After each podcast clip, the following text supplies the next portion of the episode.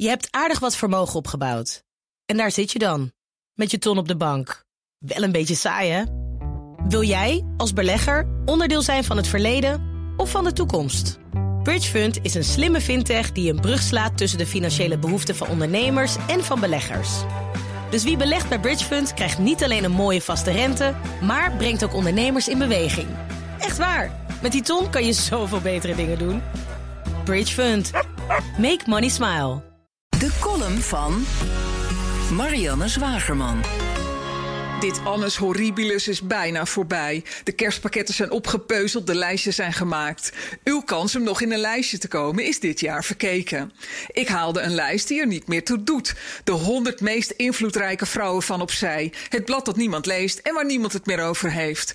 Nee, het eindejaarslijstje is dat van de zelfbenoemde elite. De meest invloedrijke Nederlanders volgens de Volkskrant. Het kleine groepje mensen dat bepaalt dat de grootste groep Nederlanders slechte mensen zijn. Die herop opgevoed moeten worden. De elite wil een great reset. De wereld beter terugbouwen na corona. Beter volgens hun definitie. Dat de rest van de Nederlanders daar niet op zit te wachten, boeit ze niet. Logisch dus dat Jaap van Dissel de hoogste nieuwe binnenkomer is op nummer 2. De zwalkende RIVM-baas veroorzaakte vorige week een nieuw dieptepunt in het neerkijken op vakmensen en vakmanschap. In het voorjaar was hij verantwoordelijk voor de richtlijn die bepaalde dat beschermingsmiddelen onnodig waren voor verpleeghuizen personeel.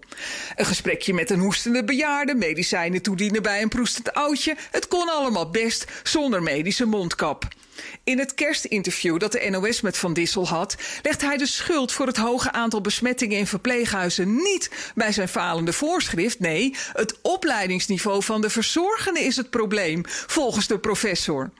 De woordvoerder van de beroepsvereniging van verzorgenden is terecht woest en noemt het onbehoorlijk, respectloos en om je voor te schamen.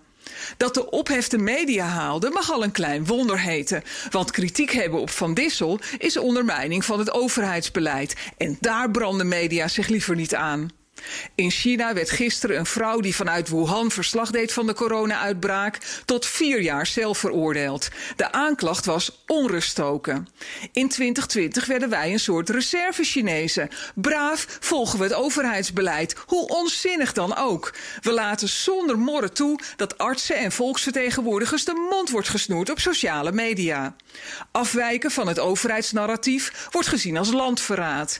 De regering en de media hebben elkaar in een houtgreep waarvan ze beide profiteren. We zijn dit jaar beland in een emo-pornocratie. Emotieporno levert kijkcijfers op en stuwt Mark Rutte naar ongekende zetelwinst in de peilingen. Ik wil in 2021 maar één lijstje, die met de feiten. Je hebt aardig wat vermogen opgebouwd. En daar zit je dan, met je ton op de bank. Wel een beetje saai, hè? Wil jij, als belegger, onderdeel zijn van het verleden of van de toekomst? Bridgefund is een slimme fintech die een brug slaat tussen de financiële behoeften van ondernemers en van beleggers. Dus wie belegt bij Bridgefund krijgt niet alleen een mooie vaste rente, maar brengt ook ondernemers in beweging. Echt waar, met die ton kan je zoveel betere dingen doen. Bridgefund. Make money smile.